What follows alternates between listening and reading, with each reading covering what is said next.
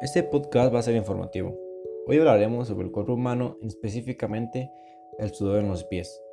El sudor en los pies es un proceso normal y necesario para el cuerpo, mediante el cual regulamos la temperatura corporal y favorecemos la secreción de sustancias necesarias para el organismo. Eso significa que nuestro cuerpo, mediante el sudor, desecha sustancias que no nos ocupamos y que nos hacen mal. Esto es muy normal en edades tempranas o en la pubertad, pues es un proceso lógico y normal. Eh, puede tener eh, sudoración excesiva o un mal olor. Pero ¿cuándo es cuando tenemos que preocuparnos? Eh, es cuando nuestro sudor en los pies sea muy excesiva o cuando el olor sea demasiado fuerte o el color de nuestros pies cambie. Eso es cuando tenemos que preocuparnos. Esto se causa a alteraciones relacionadas con el sudor. Esto significa que hay gente causante de sus mismas intenciones. O sea que hay gente que ocasiona que les duelan los pies por factores externos o por eh, medicinas o, o patrones genéticos. O también puede deberse a una infección. Una infección es cuando tenemos una bacteria o micótica en los pies que se presta a eso, a mal olor y a mm, cambiar el color del pie.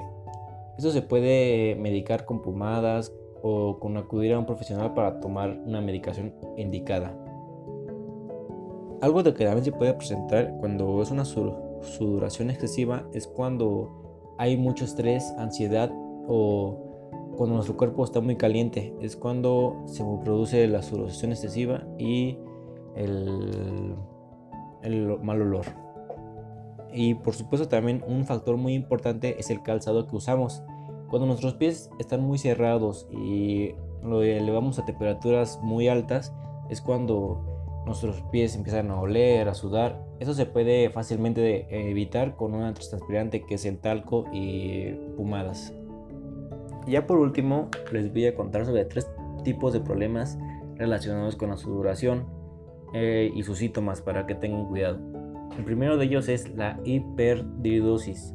Es un exceso en la cantidad de sudoración y tiene la relación del aumento de tensión nervioso y temperatura, así como las dietas, infecciones o diferentes patologías crónicas. Eso significa que cuando tenemos hiperhidrosis es cuando tenemos un aumento de nerviosismo o nuestro cuerpo es demasiado caliente y pues eso provoca esta enfermedad.